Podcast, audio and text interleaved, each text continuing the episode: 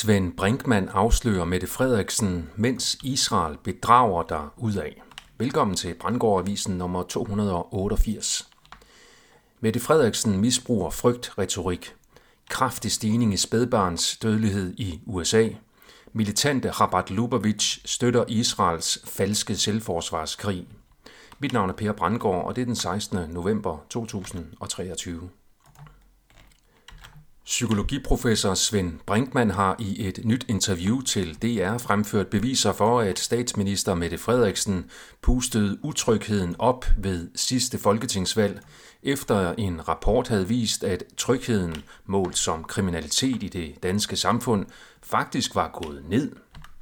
Det er endnu et bevis på, at Mette Frederiksen til synlædende bevidst bruger frygt som politisk redskab til først at skræmme folk til at stemme på hende, og derefter får folk til at gøre, som hun siger, motiveret af frygt og utryghed. Statistisk materiale fra den amerikanske sundhedsstyrelse CDC dokumenterer en kraftig stigning i spædbørns dødelighed mellem 2021 og 2022, skriver Steigan. Årsagen er muligvis forbundet med kontaminering af mRNA-coronavaccinerne med dobbelttrådet RNA, såkaldt dsRNA.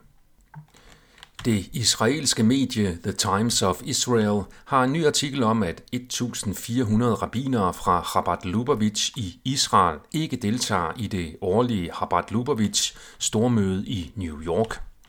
Årsagen er, at de bliver hjemme i Israel for at støtte den israelske krigsførelse. I den israelske artikel kan vi også læse, at Chabad Lubavitch adskiller sig fra andre grupper af ortodoxe jøder, derved at Chabad har mange flere følgere og rabbinere, der er medlemmer af den israelske hær.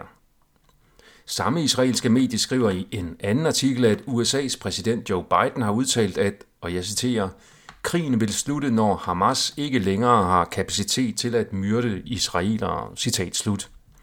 Den udtalelse skal ses i lyset af beviserne for, at Hamas er skabt af Israel selv som kontrolleret opposition. Der er således tale om en falsk selvforsvarskrig.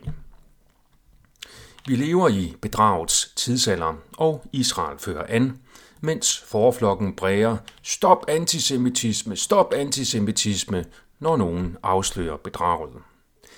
Det israelske bedrag har dermed både et aggressivt, for eksempel Hamas anvendt som undskyldning for aggression og folkemord, og et defensivt aspekt, for eksempel antisemitisme beskyldninger rettet mod kritikere.